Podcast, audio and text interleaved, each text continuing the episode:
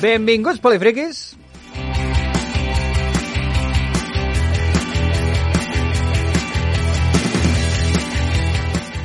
Benvingudes i benvinguts un dimarts més a Ràdio Sant Cugat, a aquest programa Polifriquis, en el que, com sabeu, és la vostra cita setmanal amb els jocs de taula, amb la ciència-ficció, amb els jocs de rol, amb la fantasia, eh, en tots aquests temes que ens agrada perquè són friquis i, a més, com en són molts, polifriquis. Y últimamente mucho las series y el cine. És veritat, parlem molt de sèries, però normalment sèries i cinema que tenen algun component friqui, alguna coseta que alternativa, d'oci alternatiu una mica diferent, aquest, amb aquests referents que ens agraden tant. Com sempre, estem aquí eh, als estudis de Ràdio Sant Cugat, avui amb el Millán Mozota. Eh, molt bones, Millán, com estàs? Muy bien, gracias. També tenim el nostre tècnic, el Pablo del Canto. Què tal, com sempre? Eficient amb les músiques i totes les coses que ens digues. Sempre, sempre puntual. I des de la distància, avui, eh, des del celler de llibres, el nostre llibreter boig, el Pablo Jiménez. Molt bona nit, Pablo. Hola, bona nit a tots. Què t'està servint aigua? No, ho estic fent jo. Ah, molt bé, el Marc. Marc Travé, què tal? Com estàs des d'Osca? Bé assedegat, no ho has notat? I qui us parla, l'Andrés Palomino, aquí també, als estudis de Ràdio Sant Cugat. Tenim molts temes, com sempre. Efectos Marc Travé. Sí, mira, està bé, està bé. M'agrada eh, que t'acompanyi acompanyis eh, la teva presència, Marc, amb tot d'efectes. Espero els cascos de, dels Monty Python allà, com si anessis a cavall, en qualsevol moment, eh, o molts altres efectes que podem anar improvisant, sens dubte. Eh, comencem avui. Avui que hi ha el Pablo Jiménez, ja que, ja que tenim el Pablo, eh, parlem de llibres.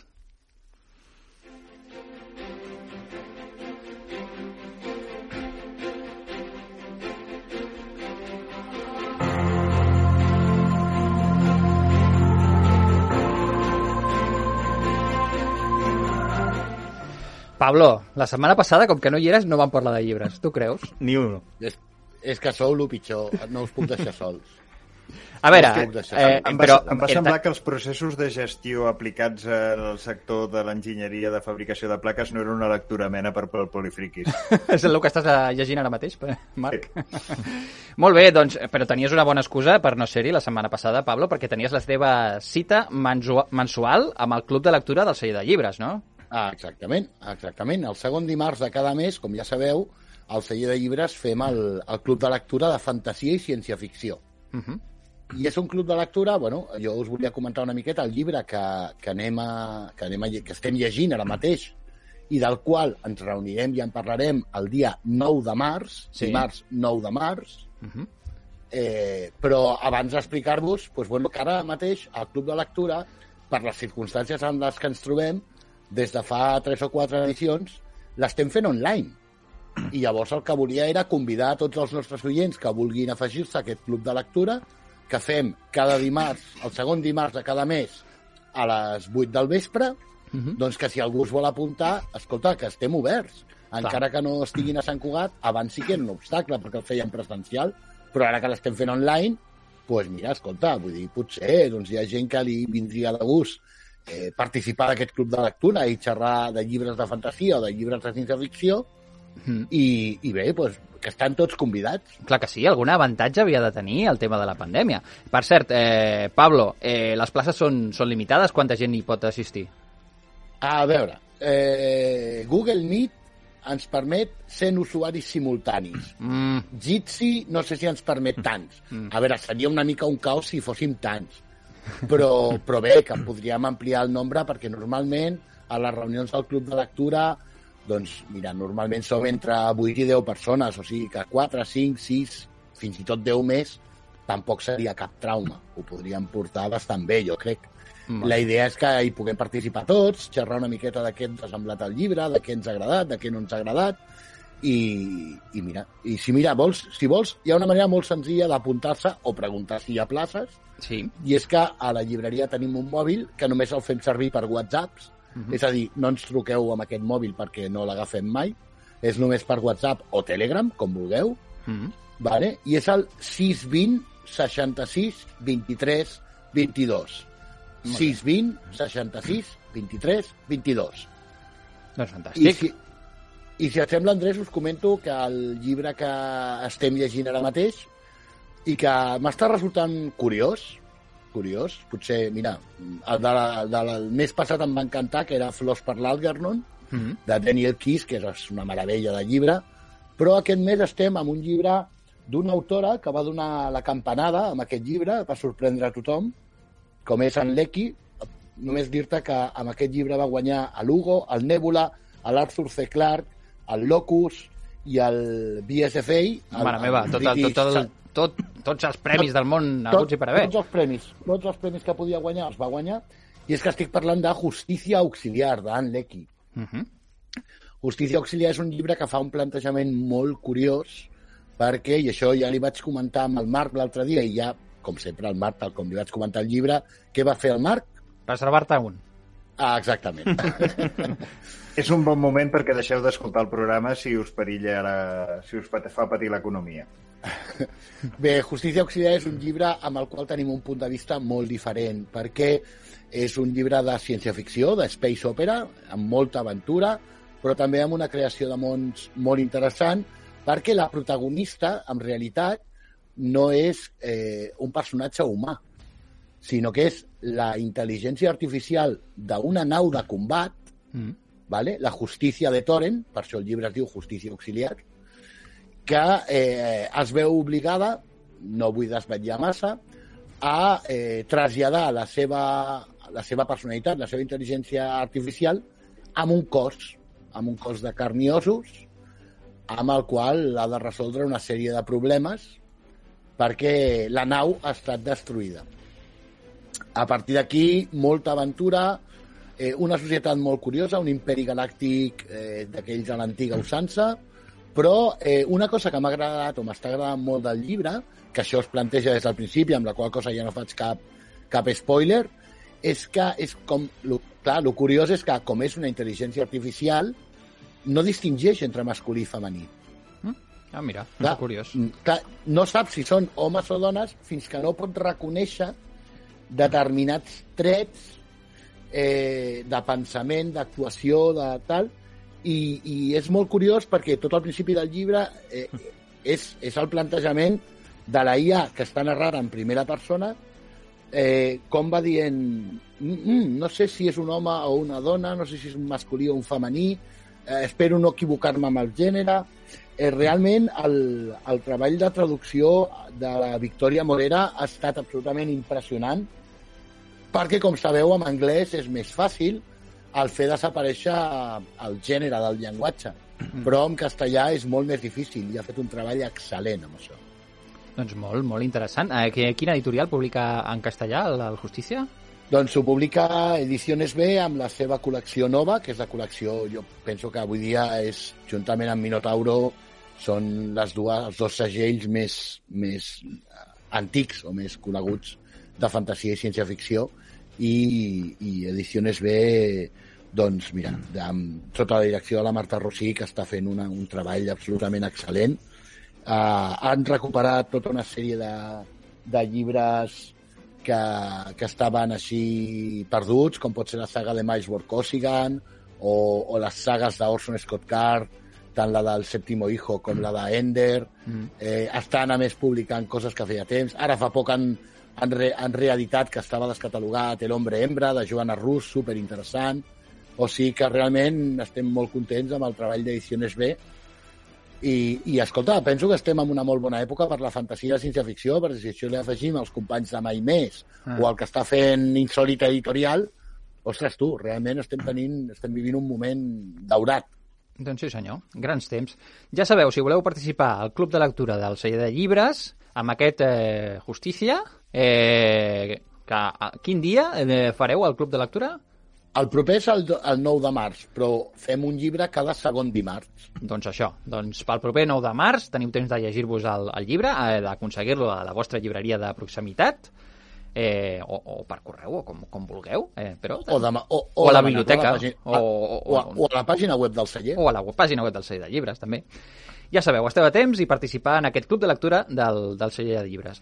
I amb aquesta recomanació, amb aquests deures que us posem, eh, anem a passar a les sèries i al cinema.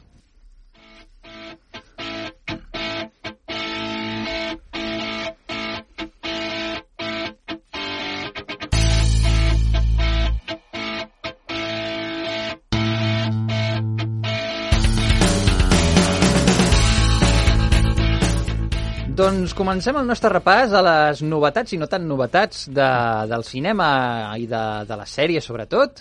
Eh, comentaré una notícia que he vist avui mateix, eh, de, de la revista Va- Variety, aquesta mítica revista del món de l'espectacle americana, en la que publiquen pues, eh, a nivell internacional eh, tot, de, tot de coses i novetats eh, del món del cinema i de, de la televisió. I avui publicaven, precisament, com una, com una notícia, que s'ha anunciat eh, que Amazon Prime Video i Televisió Espanyola han arribat a un acord per, eh, per un reboot d'una sèrie que, bueno, eh, és tot un referent en el que és a la televisió en el nostre país i concretament al gènere de terror, que és Històries per a no dormir, aquell, eh, aquell programa de relats eh, curts eh, de, de terror eh, que va crear el mític eh, Chicho Ibáñez Serrador, grande Chicho, Muy inspirado en eh, Alf- Alfred Hitchcock presenta. Totalment, totalment, fins i tot ah, des de les presentacions de, de Chicho al principi introduint la, la història que tocava aquell dia pues, i, i el to també de les, de les històries eh, també amb altres programes com la de Dimensió Desconeguda, per exemple, Sí. aquest tipus d'històries curtes, independents, que cada, història, cada capítol ens explica una història diferent. En aquest eh, cas, eh, amb aquestes històries de, del Chicho, eh, eren històries de terror, eh, en blanc i negre, això és dels anys eh, 50, 60, eh, diria. Eh, i, I realment tenim un gran record d'aquestes creacions i, va, i és tot un referent per, que ha marcat a tota una generació de directores i directors de, de cinema, sobretot els que han treballat el, el gènere. Ara mateix estem en una, en una gran època pel, pel cinema nacional en quant a gènere, perquè hi ha grans directors eh, i directores, i alguns d'aquests grans directors i i influencers per aquesta història participaran en aquest reboot de Històries per no dormir que veurem segurament a la plataforma d'Amazon i entenc que a Televisió Espanyola també. Eh, bueno, Andrés, digues. Andrés, cal dir que és la tercera. O sigui, és el segon reboot. eh, perquè sí, la van fer La primera, època, la primera època va ser del 66 al 68, que aquesta no la recordo jo, però va haver una segona etapa l'any 1982, Mm. que aquesta sí que la veia jo. Veus, aquesta no la... Jo vaig veure la, del, la dels anys 60 en remissions, la, aquella Sí, del blanc sí, i sí. negre. La dels anys 80 la veritat és que no la tinc, no la tinc controlada. A mí no me dejaban verla. Eh, sí, perquè tenia dos Bueno, rombos. tu, eres, tu eres molt peque, Millán, tu eres Sí. molt peque. Jo me'n recordo de, de les remissions i d'haver-ho Jo, vist jo també. no, entro, no entro a valorar no? si em deixaven o no em deixaven. No, tu no, Marc. tu ni existies. En aquest cas, eh, en qualsevol cas, eh, que anava a comentar, també eh, van fer-ne, fa, fa uns anys, van treure una pel·lícula, aquesta, amb diversos directors, eh, que van treure, que es deia Pel·lícules per a no dormir, que era com un homenatge, i que treien un capítol eh, del Chicho, eh, integrava com a capítol final, eh, era un capítol que el posaven al final, i estava gent pues, com a l'Àlex de la Iglesia, eh, si no m'equivoco, qui més estava, no sé si Paco Plaza, eh, no, no recordo qui més, però grans, eh, grans directors. Eh, mira, ara ho tinc aquí, Àlex de la Iglesia, Jaume Balagueró, eh, director de REC, eh, entre altres, Mateo Gil i Enric Urbizu, eh, doncs això, van participar en aquesta pel·lícula, que era eh, Pel·lícules per a no dormir. Però ara, això serà un altre cop tornant a la televisió, ara que estem en l'època daurada, sembla, de, de les sèries, recuperar aquest format aquest, en forma de reboot. No sé si recuperaran també els guions de les històries eh, o no, però en qualsevol cas també comptaran amb un planter tant d'actors i actrius com de, de directors eh, impressionant, d'acord? Eh, entre ells, per exemple, Rodrigo Sorogoyen, director de, de Madre, o Rodrigo Cortés, eh, director de la, la aclamadíssima, aclamadíssima Buried, us en recordeu d'aquella pel·lícula Sí, claro. que passava tot Sí, a sí. dintre d'un d'un taüt? Me aterroriza. fantàstica aquella pel·lícula o fins i tot eh, el propi Paco Plaza el Paco Plaza també també hi participarà han començat ja el, el rodatge amb alguns actors com ara l'Eduard Fernández, el Raúl Arevalo o la Natalie Poza i, bueno, el primer episodi eh, es diu, eh, que, que l'estan gravant ara mateix, és La broma, The Joke. Així que, poca broma, eh? Di, di, escrit i dirigit per Rodrigo Cortés. Al, alerta, molt bé. eh? Alerta. Què us sembla aquesta, aquesta notícia? Pues muy interesante, la verdad. Me llama mucho la atención. Tengo un vago recuerdo de, de aquellas historias originales y el género siempre me ha gustado. El, también el de historias de la cripta, que no me he mencionado. Ah, sí, també. Crypt, es també, un poco sí, el sí. estilo. Sí, sí, sí. És veritat. Eh, Pablo, què, què, què opines? Què, què, què et sembla aquesta, aquesta A veure, notícia? jo, jo tinc un, un molt bon record de, de històries per a no dormir, sobretot perquè bueno, el, eh, vaig, eh, vaig poder veure El caso del senyor Valdemar, que és un dels grans clàssics de la, de la literatura de terror, Mm. amb una magnífica adaptació i recordo allò, els dos rombos, eh, que a mi els meus pares, quan hi havia remissió, també, pensa que és una sèrie que es va fer la primera, les dues primeres temporades són d'abans de que nasqués jo, imagineu si és antiga. Eh, És possible que sortís el- com a actor el, el pare de Chicho, eh, Sánchez, i- Sánchez Menta, havia no? sortit. Sí, sí, Ah, sí. sí. En el caso del senyor Valdemar, Mhm. eh, Narciso Ibáñez Menta. Això, Narciso Ibáñez Menta, que també va morir, bueno, fa, fa uns quants anys. Sí, sí. Sí, sí, sí. Però, però penso que és molt curiós. Tu esmentaves el, el, esmentaves el, la pel·lícula de, de Rodrigo Cortés de Buried, Sí, però jo et recordo que té una que és més amb aquesta línia, vale? que és una pel·lícula de una pel·lícula de terror sí, ja sé quina vols dir. que es diu Down a Dark Hole, Mm -hmm. vale? que aquí no recordo com la van traduir. com es deia? De... Blackwood, Blackwood la van Sí, traduir aquí. és veritat.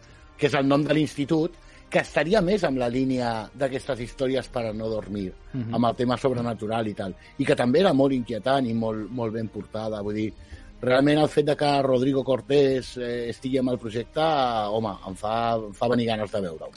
Doncs molt bé, estarem molt pendents a veure quan s'estrena, a veure, a, a veure si fan una, una col·laboració similar a com van fer, amb, per exemple, amb el Ministeri del Tiempo, que va mm. estrenar-se a Televisió Espanyola i després va passar a plataformes, primer a Netflix i després també a HBO, la, de la darrera temporada. Eh, ja veurem. He parlat alguna vegada del Ministeri del Tiempo, Millán? Alguna vez, sí. Tu no sé si has parlat. ja fa temps. Ja fa temps, ja fa temps. En qualsevol cas, eh, canviem de tema i parlem d'una cosa que ja podem veure. Eh, Marc, eh, et va agradar bastant la sèrie, em sembla que va recomanar el, el Millán l'altre dia, aquesta Lupin, i crec Sí. que t'has quedat en ganes de, de fer-nos una recomanació al voltant d'això. Bueno, en aquest cas va ser la, la meva parella, la- l'Helena, que ella eh, vam veure plegats la sèrie, la sèrie ens va agradar molt, de fet crec que no l'hem vist sencera, perquè crec que encara no estava sencera a les plataformes. Encara falta Però la, la, farà la una segona segona meitat temporada. de la primera temporada. Exacte. Això, Ah, al, això. a l'agost, em sembla que sortirà. Doncs, eh, bueno, arran d'això va agafar i va dir, ostres, eh, ara m'he quedat amb les ganes de saber una miqueta més d'aquest personatge, no? I a banda d'adreçar-la a les novel·les de Maurice Leblanc, que, que, bueno, que la sèrie surten citades enormement, Uh -huh. doncs, eh, a banda de començar a treballar aquest aspecte, vam, vam, li vaig dir, bueno, pues hi ha una pel·lícula d'Arsène Lupin, una producció francesa, que eh, una miqueta, aviam, Arsè- Arsène Lupin rivalitza amb certa popularitat, almenys a França, amb, amb un personatge tal com Sherlock Holmes, no? Vull dir, és un No em sona. personatge... Qui és aquest home? Exacte, sona? Doncs mira, em sembla que és la segona o la tercera aventura, és Arsène Lupin contra Sherlock Holmes. Ostres. un fent de lladre i l'altre fent d'investigador. No cal dir que, com que és la versió escrita pel creador de- d'Arsène Lupin, igual no és la millor versió de Sherlock Holmes. Però, en qualsevol cas, eh, és, un, bueno, és un personatge que és un ladrón de guante blanco eh, d'una època molt, molt anterior al que és la- la- l'actualització la, que, fa, que fa la sèrie, i aquesta producció, eh, en lloc de centrar-se en una de les històries de- d'Arsène Lupin, el que, fa, el que intenta fer és una miqueta una retrospectiva de la història que hi ha de fons a totes les novel·les d'Arsène Lupin, una miqueta seguint la vida d'aquest personatge. Mhm. vale? Eh, en aquest sentit, això és una fórmula que és, eh, la fa funcionar molt bé eh, a nivell de, de pel·lícula perquè no t'està explicant una aventureta, sinó que t'està explicant la vida d'un personatge i la relació amb alguns dels personatges que surten, com podria ser la, la condessa de Cagliostro.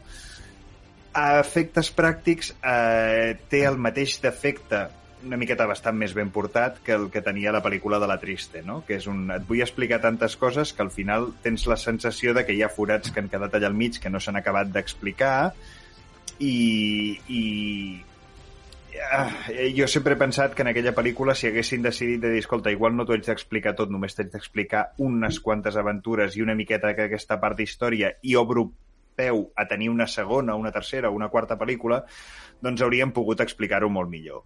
Mm. Dit això i sent conscients de que hi ha aquest petit defecte, la pel·lícula és un parell d'horetes, és eh, d'acció-aventures, eh, compta amb un actor bastant consagrat eh, francès, que és en, ho diré malament, però en Roman Duris, Uh -huh. i els altres, els altres eh, companys d'aventura són un Christine Scott Thomas com a comtessa de Cagliostro, en Pascal Gregori com a Bomanyan, que és un personatge també prou interessant i, i, i potent a la, a la història que no puc explicar massa cosa, mm -hmm. i una més joveneta Eva Green fent de, de Clarís, que és un personatge important a la història d'Arsène Lupin. Ah, sí, que també sortia el Silencio de los Corderos.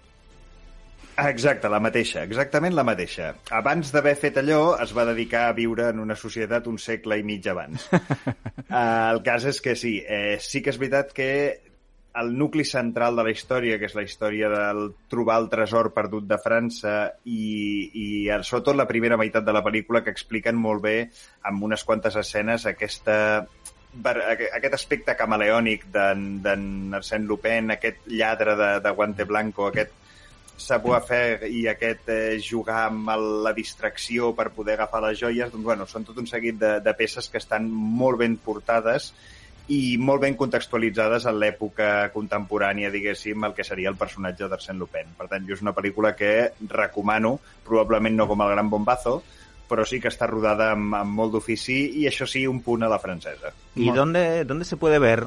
¿En qué plataforma? O... Pues no tengo ni idea, yo es que la tenía ya en DVD. Ah, vale. Uh, ah però encara no, tens DVDs, creo... Marc? Sí, tinc una col·lecció de DVDs de, jo diria que gairebé un miler. Jo és que no sé on posar-los, és que no hay, tinc reproductor. Hay que tenerlos porque es la excusa para comprarte una consola. Sí, veus? Doncs sí, eh, mira, jo ara la tindria, l'excusa. Podria darle la razón a, a Millán, pero yo es que sigo conservando un, un reproductor DVD perquè lamentablement hi ha tot un seguit de pel·lícules que no estan a les plataformes i mm -hmm. si no trobes a les plataformes aquestes pel·lícules no ho pots trobar. Llavors, eh, jo sóc molt fan de, un, tenir encara DVDs i Blu-rays i segona, eh, aneu a les biblioteques i a les filmoteques, que aquestes pel·lícules ah, ara, moltes ara. vegades clàssiques o que surten del circuit comercial no estan a les plataformes i a vegades hi podeu trobar autèntiques joies. Molt bé, molt bona recomanació, Marc, m'ha agradat molt. Ets un viejo joven. Eh, en qualsevol cas... Sí, però jo no havia vist el Chicho Ibáñez Serrador i, Veus? si m'apures, no havia vist els dos rombos, Ai, campions. Chicho, Chicho. En qualsevol cas, parlem de cinema, parlem de sèries, però també parlem de notícies. Anem avui, ara, anem, avui parlem de notícies, no sé, a veure, estat vens molt periodístic, Millán. Pues te voy a decir que en realidad estamos hablando de una película. Ah, pues mira, noticias del gran mundo, ¿qué es eso? Sí, que tiene algo, no mucho, ¿eh? pero tiene algo que ver también con el mundo de las noticias y, y del periodismo. Bueno, es una película, una película del oeste, es un western. Es un western bastante peculiar, sí, bastante especial, ahora lo, lo explicaremos un poco, que lo acaban de eh, estrenar en Netflix y se puede ver en esta plataforma. Eh, bueno, supongo que porque es de esas películas que ya no se estrenan en el cine porque en estos días pues no, no vale la pena, ¿no? Eh, hacer un, Sí. un run de, de las películas en cine, van directamente a, nos, a las plataformas. Bueno, en este caso es una película que está dirigida por Paul Gringas, eh, Grass, perdón, que es un, es un director británico, está especializado sobre todo en películas bélicas y de acción, ha hecho varias de las de la saga de Bourne, tres o cuatro, Mm. y también ha hecho la zona verde de Green Zone, que es eh, sobre esta, esta zona de, en- de las bases americanas en Oriente Próximo y tal. Eh, bueno, pero aquí No cambia sabia total. era suya. Sí, esta sí. Eh, cambia totalmente de registro. Y hace un western así como una, una especie de fábula. En la que cuenta una historia que al final es eso, una fábula bastante tierna, con bastantes elementos duros de, de la vida del oeste y a veces con un punto surrealista. Ah, és la que surt Tom Hanks? Es la que surge Tom Hanks. De hecho, es el, Ara. es el protagonista, es el personaje principal, junto con Elena Zengel, que es la actriz eh, infantil que hace de la, la niña que encuentra. Él es un eh, soldado retirado de los perdedores de la Guerra Civil Americana, es decir, confederado, que eh, por una serie de razones que no se explican muy bien hasta el final de la película y que no revelaré, él ha dejado su casa y su vida, él eh, tenía un periódico, era editor, y entonces lo ha dejado y lo que hace es vagar por los pueblos del oeste y lleva periódicos y los va leyendo la gente, a gente que normalmente no sabe ni leer. Mm. ¿Sabes? Entonces se, se reúne la gente, le ponen como una colecta, le pagan y él sa- va sacando periódicos y cuenta historias. Y por eso se llama Las Noticias del Mundo, es como su espectáculo. Sí. Es un espectáculo de contar, de- pero al final se convierte en una És com especie un nodo, però parlat. no, porque se convierte en una especie de cuentacuentos. Él elige las noticias que en cada pueblo le parece que van a animar más a la gente, les van a, a traer un poco de esperanza o de libertad o de ideas nuevas a sus vidas así un poco duras, ¿no? Que llevan. Y sobre esa base él se, se encuentra un, eso está casi al principio de la película, es lo que, eh, digamos, eh, crea la situación que luego va a dar lugar a toda la historia. Se encuentra que han atacado una carreta del gobierno federal eh, y hay una única superviviente que es una, que es, una niña que llevaban porque la habían rescatado de los indios Kiowa, los nativos Kiowa, pero ella es una niña de descendencia alemana, de colonos alemanes, que cuando era muy pequeña tenía seis años, la habían secuestrado los eh, nativos, habían matado a su familia y siete años después la recupera el gobierno federal, los soldados, y entonces eh, la van a llevar con sus parientes vivos, que se supone que son unos tíos de un pueblo donde viven colonos alemanes. Entonces se encuentra esta niña allí, nadie se quiere hacer cargo de ella, la lleva donde los, el fuerte que hay en su pueblo, nada, no o en el pueblo en el que está, Tom Hanks, y no le hacen ni caso, y decide que la va a llevar él. Y al final es eso, una historia de viaje, un western de, un de viaje. entrada a las historias de western. Con esa a la sombra hay algunos homenajes que se ven bien, pero no intenta copiar o no intenta seguir el mismo camino que esa gran película de Centauros del Desierto. Clar, esto anava a dir, és que aquesta gran sí. història de recuperar... Está claro que, que hay una influencia ahí. También está basado en una novela y la novela también tiene esa influencia. Eh, la novela... The Searchers, en inglés The Searchers. Eh. Sí, sí. Bueno, es igual. Eh, el, volviendo a la, a la película, eh, al final es eso, es una, fábula, una fábula más o menos amable, con puntos más oscuros, más duros, ¿no? Es que se ven los, las partes más eh, truculentas a veces y, duras de la vida en el oeste americano que muchas veces se ha mitificado, ¿no? Aparecen pues eso, pueblos que se dedican a la industria del exterminio de los bisontes, ¿no? Y para, para el tema de las pieles y que mataban cientos y cientos de, bisontes cada día prácticamente y lo hacían una especie de factorías donde los procesaban la grasa, la piel, los huesos y con todo eso pues una forma de que extinguiera una especie de forma muy ordenada e industrializada, ¿no? O, bueno, otras historias que tienen que ver con la prostitución infantil, pero al final todo está tratado con bastante elegancia y, con buen gusto y al final sale Tom Hanks, una película de Tom Hanks. ¿Qué tal el papel? Bien, es él. A ver, es Tom Hanks, es Tom Hanks, entonces, eh, al final dices, es que Tom Hanks no va a hacer algo malo realmente. No, hi ha pocs papers que faci sí. de dolent, Tom Hanks. Pero bueno, lo hace bien. Uh -huh. Está comedido, muy comedido, la verdad. Es un personaje así como muy lacónico, que no expresa sus sentimientos, habla muy poco. La sombra de John Wayne, de nuevo. Clar, sí, sí, sí. normal. En quina plataforma? Netflix. Molt bé, Netflix, podeu veure aquesta Notícies del Gran Mundo, si voleu mm. una... Mira, una pel·lícula sí. de western, de mm. crepuscular una sí. mica, ¿no? Y como este director que te decía, eh, Gringas, eh, es un especialista en, en las películas de acción, las tres o cuatro momentos de tiroteos o escenas de acción que hay son espectaculares. Mm -hmm. Eso es, es poquito en comparación con el total del metraje, però està molt bé. Molt bé, doncs molt, molt interessant. Doncs amb això, amb... tenim unes quantes recomanacions de cinema i de sèries ja per veure aquesta setmana. Ara posem-nos aquí al gra i anem a jugar a jocs de rol i jocs de taula.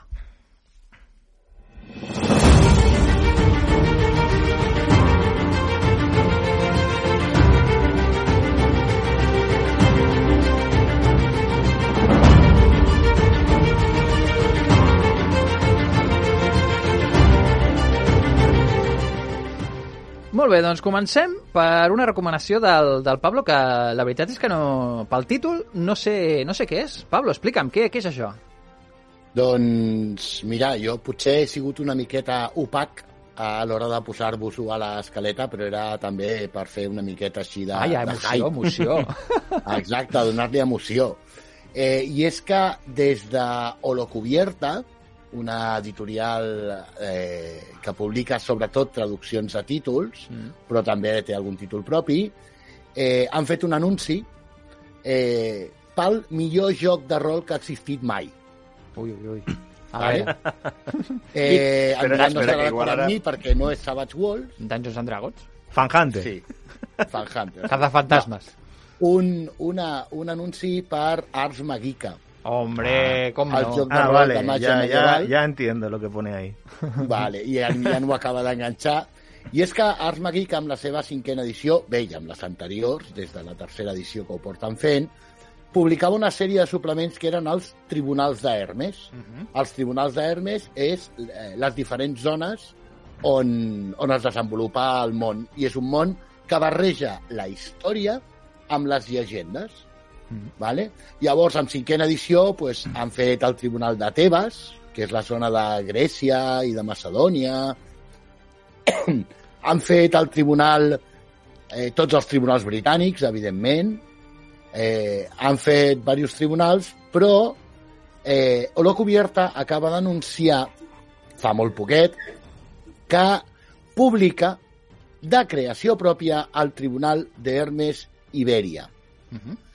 Un llibre que han fet eh, Mario Donaire i Òscar Estefania, dos grans afeccionats a, a Ars Magica, que en saben un pou, però és que s'han triat set anys per fer aquest llibre. Carai. Perquè al 2014 el Mario eh, li va oferir a, a Holocubierta la idea de fer-ho, Holocubierta va consultar Atlas Games, Atlas Games van dir que encantats de la vida, perquè la línia d'Ars Magica ja està tancada, és a dir, Atlas Games, l'editorial original, no està publicant res més, però els hi van dir que endavant i que si els hi agradava, pues, igual ho publicaven en anglès i tot. Mm -hmm.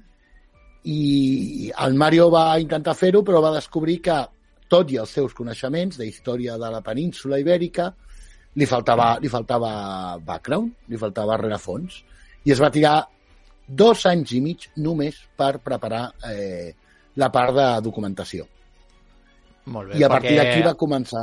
Digue'm, digue'm. Perquè els, els suplements normalment d'Ars Magica eh, són suplements que tenen una ambientació molt profunda, ambientació històrica. Correcte. I a més, els, els, els fans d'Ars Magica eh, de tota la vida, recordem el Tribunal d'Ibèria que va publicar White Wolf en el seu moment i que va ser probablement el suplement més denostat per la nostra afició eh, de tot, tota la línia. És a dir, era un tribunal que estava molt basat en la línia que volia portar en aquell moment White Wolf, que estaven virant cap a Mundo de Tinieblas, i llavors tot eren coses demoníaques i fosques i no sé què, eh, amb un rerefons històric horrorós. Per dir-te, per, per que us doneu una idea, amb aquell tribunal d'Hermes hi havia una aliança, un grup de mags que vivien a la ciutat de Barcelona i amb el plànol apareixien perfectament les Rambles, i plaça Catalunya. Ah. En el, en, en el segle XIII. Perfecte. Eh, Com, Dir-vos com tothom que- sap, són obra de Guifer el Pilós. Ah, exacte, exacte. Guifré el Pilós va, va dedicar-se a fer això, a posar les La Rambles i, Font de plaça Canaletes. Catalunya. Exacte, i la Font de Canaletes. Home, on et pensaves que anaven a celebrar les guerres de Jaume I el Conqueridor? Aquí està, aquí està. I el Camp Nou ja estava en construcció. No, han fet un treball de documentació brutal, han fet un treball de creació, de tornar a crear les aliances que hi havia a Ibèria, de la qual em sembla, si no recordo malament, vaig estar parlant amb, amb l'Ismael, amb l'editor de Lo Cubierta, em va comentar que em sembla que només han deixat d'Uresca, que és l'aliança dels Guernicus, eh, i perquè aquesta ja estava amb el llibre principal, amb, la, amb el llibre bàsic d'Ars Magica, i calia mantenir-la. Però que realment s'han fotut una currada salvatge i dir-vos que tinc un hype brutal de veure-ho. Ja li he dit que si vol un, un lector beta que m'ho pot enviar quan vulgui, que després de més de 30 anys jugant a Ars Magica, igual alguna cosa en sé sobre el joc. I tant. Per, per cert, si algú no ha provat Ars Magica, ja trigueu. És el millor joc de rol que s'ha fet mai. Potser no seria un joc per no iniciats? És un, No, no, no, és un joc per gent que ja en sap jugar i que li agrada doncs, un rerefons històric i llegendari ben treballat, ben definit i, i, amb, i amb una potència important a darrere. Sobretot perquè el, el, la persona que estava darrere dels Magica amb l'última edició era David Chart, que és un historiador que en sap d'història medieval el que no està escrit.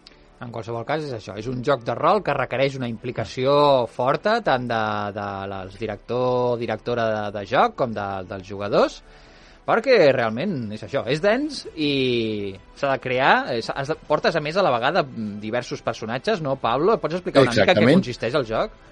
Mira, doncs és un joc amb el qual portes un mag que són molt poderosos però es tiren la vida al laboratori i són molt fràgils i normalment el que crees també és un company que seria un personatge més mundà, no amb màgia i tal, pot tenir alguna habilitat especial, que és també amb qui jugues, i pots portar també el que anomenen els, els grocs, que serien els soldats, els artesans, que viuen juntament amb els mags i els companys, i hi ha un metapersonatge que els engloba tots ells, que és l'Aliança, que és el grup de mags que s'ajunta per conviure i compartir els seus estudis.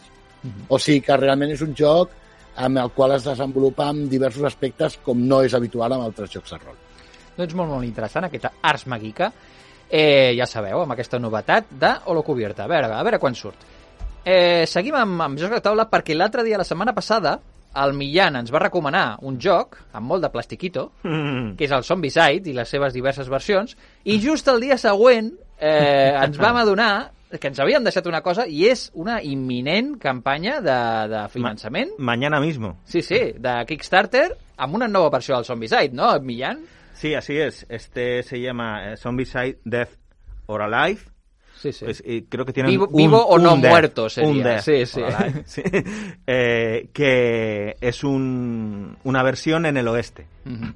Que, mira, hablábamos antes de Sí, la sí, película avui de Tom molt Hanks. ben. Ha tocado el, un poco el oeste. Mm. Eh, no sabemos mucho, no tenemos mucho detalle todavía. Hay un pequeño vídeo, un tráiler Mm. y una página en preview en Kickstarter que hasta mañana no se activa y que apenas también si hay un par de imágenes. Jo he vist cosetes. Ah, pues cuéntame, Sí, porque mira, yo no he han, encontrado han, más. han publicat també a, a través de, del canal de YouTube de la- de l'editorial un gameplay. Que se llama eh, Cool Mini or Not. Sí, eh, sí, sí, CMON, sí. Eh, doncs han publicat en el seu canal de YouTube una, un gameplay, una partida eh, online, que de fet l'han fet a través de una plata la plataforma per jugar a jocs d'online virtualment, que és eh, Tabletop Simulator. Ah, sí, eh? Mira. Llavors han muntat eh, el que seria el Que bien. de joc i tota l'expansió per ja tal com seria, Mhm. però de forma digital. Llavors, eh, cinc Con las pers- figuritas en 3D Sí, y sí, todo. sí, sí, tot, Mira tot, les bien. fitxes, tot, tot, és com veus el joc i dius, ostres, eh, i, i ja es pot jugar. Pues esto es que lo van a vender también en Tabletop. o no, o que, mira, l'han fet per, per provar. Tabletop eh, és, una, és una eina que està molt bé, que n'hauríem de... De fet, volia parlar-ne de fa, fa setmanes que volia parlar una miqueta, eh, que permet, té una comunitat d'usuaris molt àmplia i que et dona les eines perquè tu, qualsevol joc que t'imaginics, tant si existeix com si no, eh, el puguis crear a, a través de components com ara cartes, fitxes, daus, eh, i t'ho permet personalitzar eh, posant les imatges que vulguis i les formes que vulguis, de manera que tu pots reproduir virtualment pràcticament qualsevol joc de taula que se't passi pel cap està reproduït, eh, ja sigui de forma oficial per les pròpies editorials de jocs o no oficial a través dels, dels workshops de la gent que, eh, aficionada que es fica allà i que gratuïtament doncs, penja aquesta feina algunes versions realment espectaculars i amb contingut i que no es troba fins i tot a botigues i que està tot allà recopilat. Hi ha versions realment... Jo he, he conegut i he pogut jugar alguns jocs eh, gràcies a aquesta eina i va la mar de bé, la veritat. I també els dies que no tens ganes de treure la caixa i d'ocupar la taula, dius, mira, doncs vaig a fer-ho virtualment i funciona molt bé. Doncs eh, la gent de, de CMON eh, han eh, publicat un, un gameplay, una partida, amb, doncs, doncs això, amb cinc persones que s'han ajuntat per jugar amb aquesta versió. Eh, al salvatge oest eh, del, del Zombicide, matant zombis eh, en un mapa també, doncs, que veiem doncs, això, eh, els elements clàssics també amb figuretes i tot, ja, ja es veu tot, és que ja dius, ostres, ja, ja està, ja, ja puc comprar.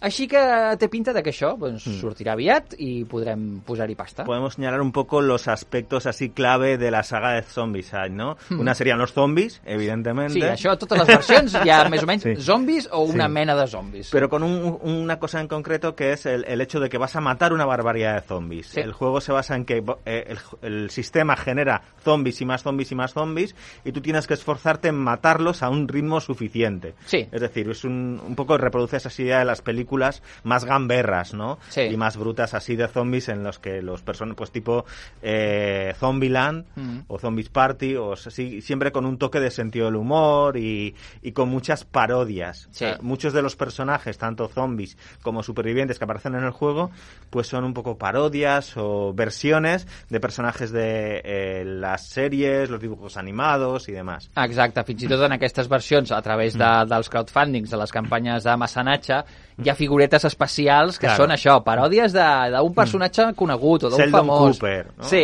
exacte. Pues, per exemple, de sèries o de pel·lícules o de relats. Eh, I està bé perquè és una manera que no estan eh, moltes vegades a la versió oficial del joc, sinó que només es pot aconseguir si participes a aquesta campanya de, de crowdfunding. De manera que és bastant interessant també eh, apuntar-se si un li agrada els jocs de taula perquè acabes tenint elements que després no es poden aconseguir quan surt a les botigues el, el joc. En qualsevol cas, ja n'hem parlat prou de, de Zombicide perquè la setmana passada ja en vam parlar mm. i aquesta versió a l'oest, com a mínim, té pinta de ser divertida. Té, té molt bona pinta. Dit això, del salvatge oest en, ens n'anem a, a l'era dels dinosaures. Oi que sí, Marc? No digues Sí. arqueología, ¿eh? No sí, digues, no, no, digues allò- arqueología. Sí, els dinosaures van viure amb els, amb els homes de les cavernes, no? Ai. Jo vaig veure una, una pel·li de Ringo Starr que, que, que ho con, deia. con Jane Fonda, ¿no? Sí. Y ya, tú ya sabes lo que yo opino de la gran oportunidad que tuviste de, de soltar el es confidencial en tu podcast eh, como respuesta. Eh, bàsicament, us vinc a portar el Draftosaurus, que és un joc que aquí s'ha s'ha editat amb una col·laboració entre Zacatrus i Brain Picnic, l'editorial de- d'en Manu Palau, i eh, bàsicament el que acaba sent és una espècie de eh, director d'un parc de- d'atraccions amb, amb dinosaures, una espècie de zoològic amb dinosaures. Eh, res a veure amb Jurassic Park. També hi ha un joc que es dedica a fer de direcció amb això i ara van apareixent. A banda de que hi ha el joc de Jurassic Park, n'hi ha un altre que no és llicenciatari, però també acabes tenint aquest seguit de problemes. Aquí no, aquí és tot molt més bonic, tot molt més bucòlic, i al final és un joc de col·locació de, de treballadors, el que passa que en lloc de ser treballadors són dinosaures de diferents colors. Els meeples són moníssims perquè són de diferents colors i a més a més amb les formes dels dinosaures que, que representen i bàsicament el que es tracta és tens un taulell amb sis ubicacions i cadascuna de les sis ubicacions puntua de manera diferent. Els taulells són reversibles, amb la qual hi ha dos nivells, diguéssim, hi ha la cara A i la cara B, i pots trobar punts, doncs, eh, com aquí puntues per, cada, per la quantitat de dinosaures que tens que són de la mateixa espècie, dels que són de diferents espècies, dels que has aconseguit fer agrupacions de dos o tres dinosaures iguals o diferents, Mm -hmm. eh, d'aquell dinosaure en el que en el teu taulell tu ets el que en té més de tots els taulells que estan jugant, i com funcionen les partides són rapidetes, eh? Es, es poden jugar de 2 a 5 jugadors a partir dels 8 anyets, partides d'uns 15 minuts, més o menys, i bàsicament el que farem serà agafar 6 dinosaures, col·locar-ne un Mm. i passar els dinosaures al següent jugador, de manera que mm, tu acabes jugant... d'aquí el draft del títol, no? D'aquí el draft, que és una mecànica que va això, no? de, jo en col·loco un i passo la resta al jugador de la meva esquerra i el de la meva dreta em passa els, els seus components i llavors ell sap què m'ha passat. I a partir d'aquí es tracta d'una miqueta d'anar deduint amb aquesta informació que tu tens del que han anat passant els diferents jugadors, quins dinosaures col·loques i a on. Eh, és un joc molt senzillet, amb la primera partida mm, tothom té clar com, com es juga, s'explica en 5 minuts i a partir d'aquí, doncs, bueno, partidetes de 15 a 20 minuts que es fan molt amenes, molt divertides i, i, prou, i prou entretingudes. Components de, de bastanta qualitat i a més a més han tret ja ampliacions, una amb animals marins, una a nivells aeris, vull dir que mm, li han anat trobant també la manera d'anar fent, d'anar fent expansions. Fantàstic. I el joc és una cooperació entre, entre quatre autors, que són Antoine Bausà, Corentin Lebrat, Ludovic Maublanc i Theo Rivière, que són quatre pesos pesats, doncs el més conegut és l'Antoine Bausà, però són quatre pesos pesats del tipus de jocs que bueno, es van acabar juntant, van acabar fent i van dir, va, doncs traiem aquest joc entre els quatre. Molt bé. Fantàstic. Qualsevol joc de taula o, o joc de rol millora amb dinosaures. Sí, És com xulú, estoy de acuerdo. no? Eh, no sé què, què et sembla, Marc. Uh, aviam, és un plus. Jo tenia un tiranosaurus rec de la mida de la meva ungla molt mono i tal. Que vols Ai, que són digui? boníssimes les Anima. figures del Draftosaurus. Que mones són. molt maques, molt maques. I de molts colors. Estan molt bé. Per quines edats recomanades i quants jugadors, Marc? Eh, ja he dit abans... Eh, No ho he sentit, és que no dos- t'estava escoltant, perdona. Ja, bueno, eh, parlava del Ministeri del Tiempo. Uh, són de 2 a 5 jugadors i a partir d'uns 8 anyets. Gràcies per recordar-ho, ja, ja ho havia escoltat, evidentment. Eh, en qualsevol cas, eh, volia acabar la secció de, de jocs de taula parlant una cosa una mica, una mica digital, d'acord? Perquè eh, teniu 48 hores per apuntar-vos a una iniciativa eh, d'Asmodee, d'aquesta gran editorial de, de jocs de taula, en la versió digital, Asmodee Digital, que participa en un, un Humble Bundle. Ja sabeu que, que els Humble Bundles, Humble Bundles, els Humble Bundles són aquestes iniciatives eh, en col·laboració amb, eh, eh, normalment, obres benèfiques, que, Sempre, sempre. Sí, que ja siguin de, de llibres, de música, eh, de tot tipus de continguts culturals, que per un preu, eh, una aportació molt baixa, eh, permeten a través d'aquesta plataforma aconseguir productes culturals eh, molt interessants i aquestes aportacions van en favor de... amb, amb, amb, amb iniciatives benèfiques. D'acord? En aquest cas, eh, a, a partir d'un euro podeu aconseguir un munt de jocs eh, molt, molt interessants en l'adaptació digital d'Asmodee, de, com ara el Pandemic, l'Small World eh, o el Love Letter, que són uns jocs sí. meravellosos. Pesos pesados de su catàlogo. només aportant un euro en aquesta campanya solidària mm. eh, ja els podeu aconseguir, però a més pots posar la pasta que vulguis. Mm. Eh, I si poses més de la mitjana, aconsegueixes desbloquejar altres jocs i, i aconseguir-los. En aquest cas, si vas posant més, més diners, ara mateix el, el, el promig està a 8 euros i si pagues més de 8 euros eh, et donen també el Ticket to Ride, l'Aventureros al tren, eh, a l'Splendor eh, i alguna ampliació del, del Pandemic. Vull dir que, escolta, per aquest preu, tants jocs, amb, encara que sigui la versió digital, que està mm. molt optimitzada realment per, per jugar-hi eh, digitalment, online, estan molt bé aquestes adaptacions. I si poses eh, a partir dels 8.22 ara mateix, ojo, perquè eh, hi ha jocs com Terraforming Mars, Blood Rage, o el, o el Senyor de los Anillos, el joc de, de cartes col·leccionables. Eh, Déu-n'hi-do sí, eh, el sí, que eh? obtenim.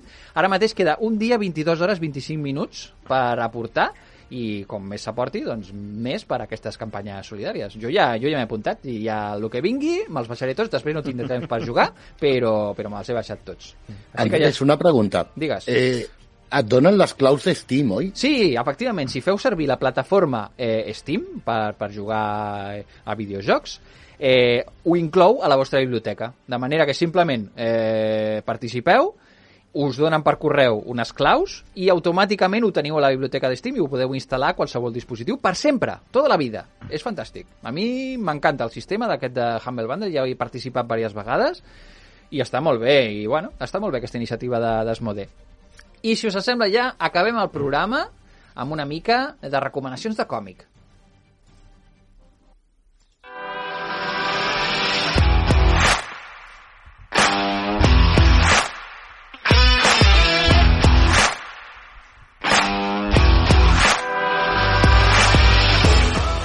La setmana passada vam, el Marc ens va recomanar un còmic relacionat amb Harley Quinn, aquest personatge, aquest antagonista de, de, de la saga de l'Hombre Murciélago, i avui, no sé, veig una, una, no sé, veig una mena de línia temàtica a les teves recomanacions, Marc, perquè ens portes un altre personatge femení.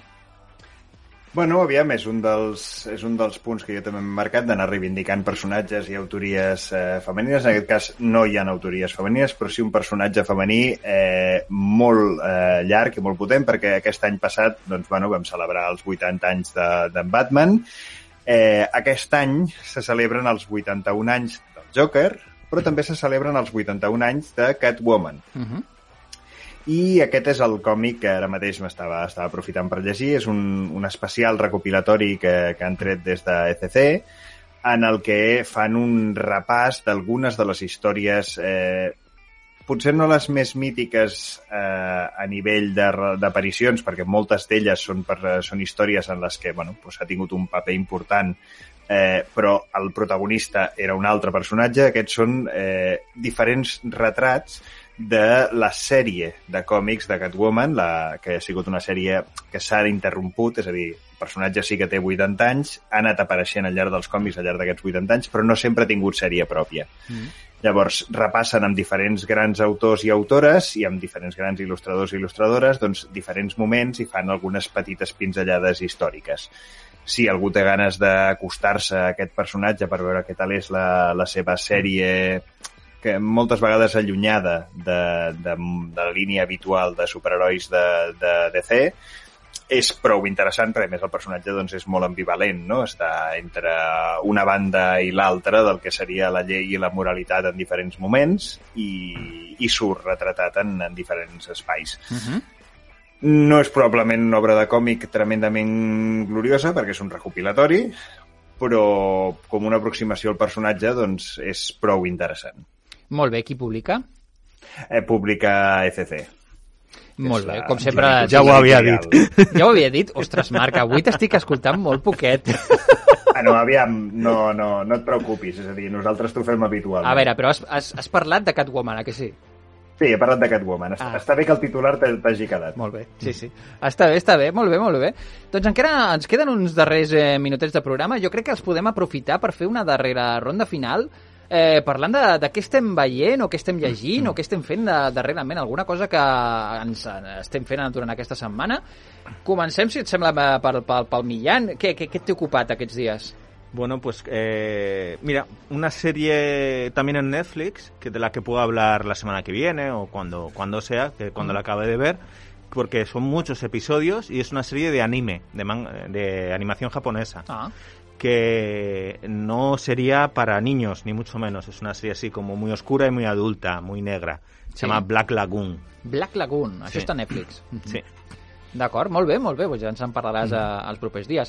Pablo, què, què has estat fent aquests dies? Entre llibre i llibre, perquè ja sabem que els teus horaris estan complicats. I, llegint, llegint, estic llegint ara mateix Justícia Auxiliar, El Oráculo de la Noche i la breve història del Japón. Ostres, déu-n'hi-do, eh? Eh, La teva Tot tauleta de nit, o sigui, eh?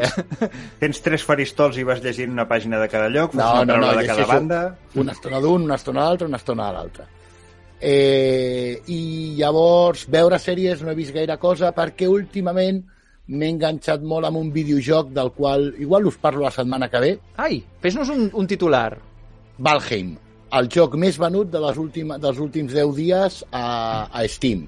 I un videojoc per qualsevol ordinador. Qualsevol.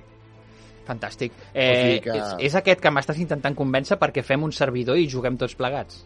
No, ja estem amb el servidor, Andrés. El Ah, ja esteu vosaltres i no tard. m'he- no m'heu avisat? Què m'estàs explicant? Com que no t'hem avisat? Si no vas dir res, vas dir m'ho miro i els dic alguna cosa. I no m'ho vaig mirar, esperant. no m'ho vaig mirar. Bueno, bueno, espero, espero que m'ho expliquis a Polifriquis i llavors miraré a veure si m'apunto o no m'apunto. Valheim, bé. va, va què? Sobre vikings, vikings, no? Vikings, Vikings amb un món alternatiu i, i a més aclarir que és un joc cooperatiu eh, que si no vols no hi ha jugador contra jugador, amb la qual cosa, i com estem en servidor privat, no hi ha niños rata. Ai, que bé. Ah, doncs això m'interessa. Mira, encara, encara em convenceràs perquè, perquè m'hi apunti. encara em convenceràs. Marc, què, què estàs fent Espera aquests que dies? el que t'haurà de donar permís sóc jo. Ah, que, ah, que, què? Tens, tens el servidor tu a casa teva? o què? El, el, servidor, el servidor el tinc jo, per tant, procuro no faltar-me molt últimament i tenint en compte el que m'has escoltat avui, Bueno, però t'he respectat a dintre de... què, què, què has estat fent? Va, que t'escolto atentament. Què has estat fent aquests dies? Va. A part de Eh, jugar bueno. en el Valheim, en el teu servidor i el del Pablo. és el que et anava a dir. De fet, he estat compartint estones amb en Pablo. Molt bé, estupendo. I jo, per si us interessa, eh, he estat veient un parell de, de sèries. He estat, Gràcies, Andrés, ja n'hi ha prou, molt bé. ja Sé que us interessa, sé que us interessa. És igual, si no en parlem avui, en parlarem la setmana Bona nit, polifriquis! Digues, digues, digues. No, no, no, he estat parlant d'una sèrie...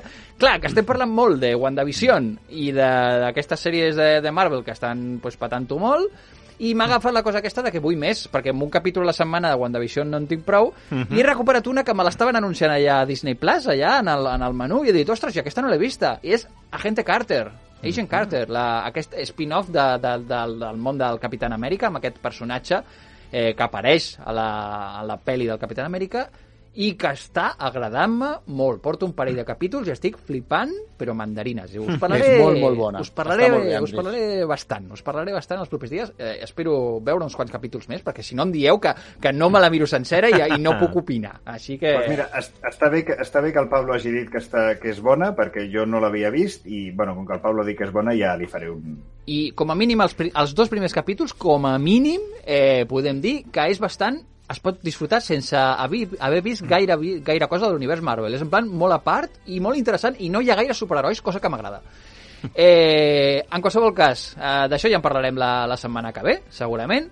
Ens anem acomiadant. Eh, ens queden dos minuts per acomiadar-nos.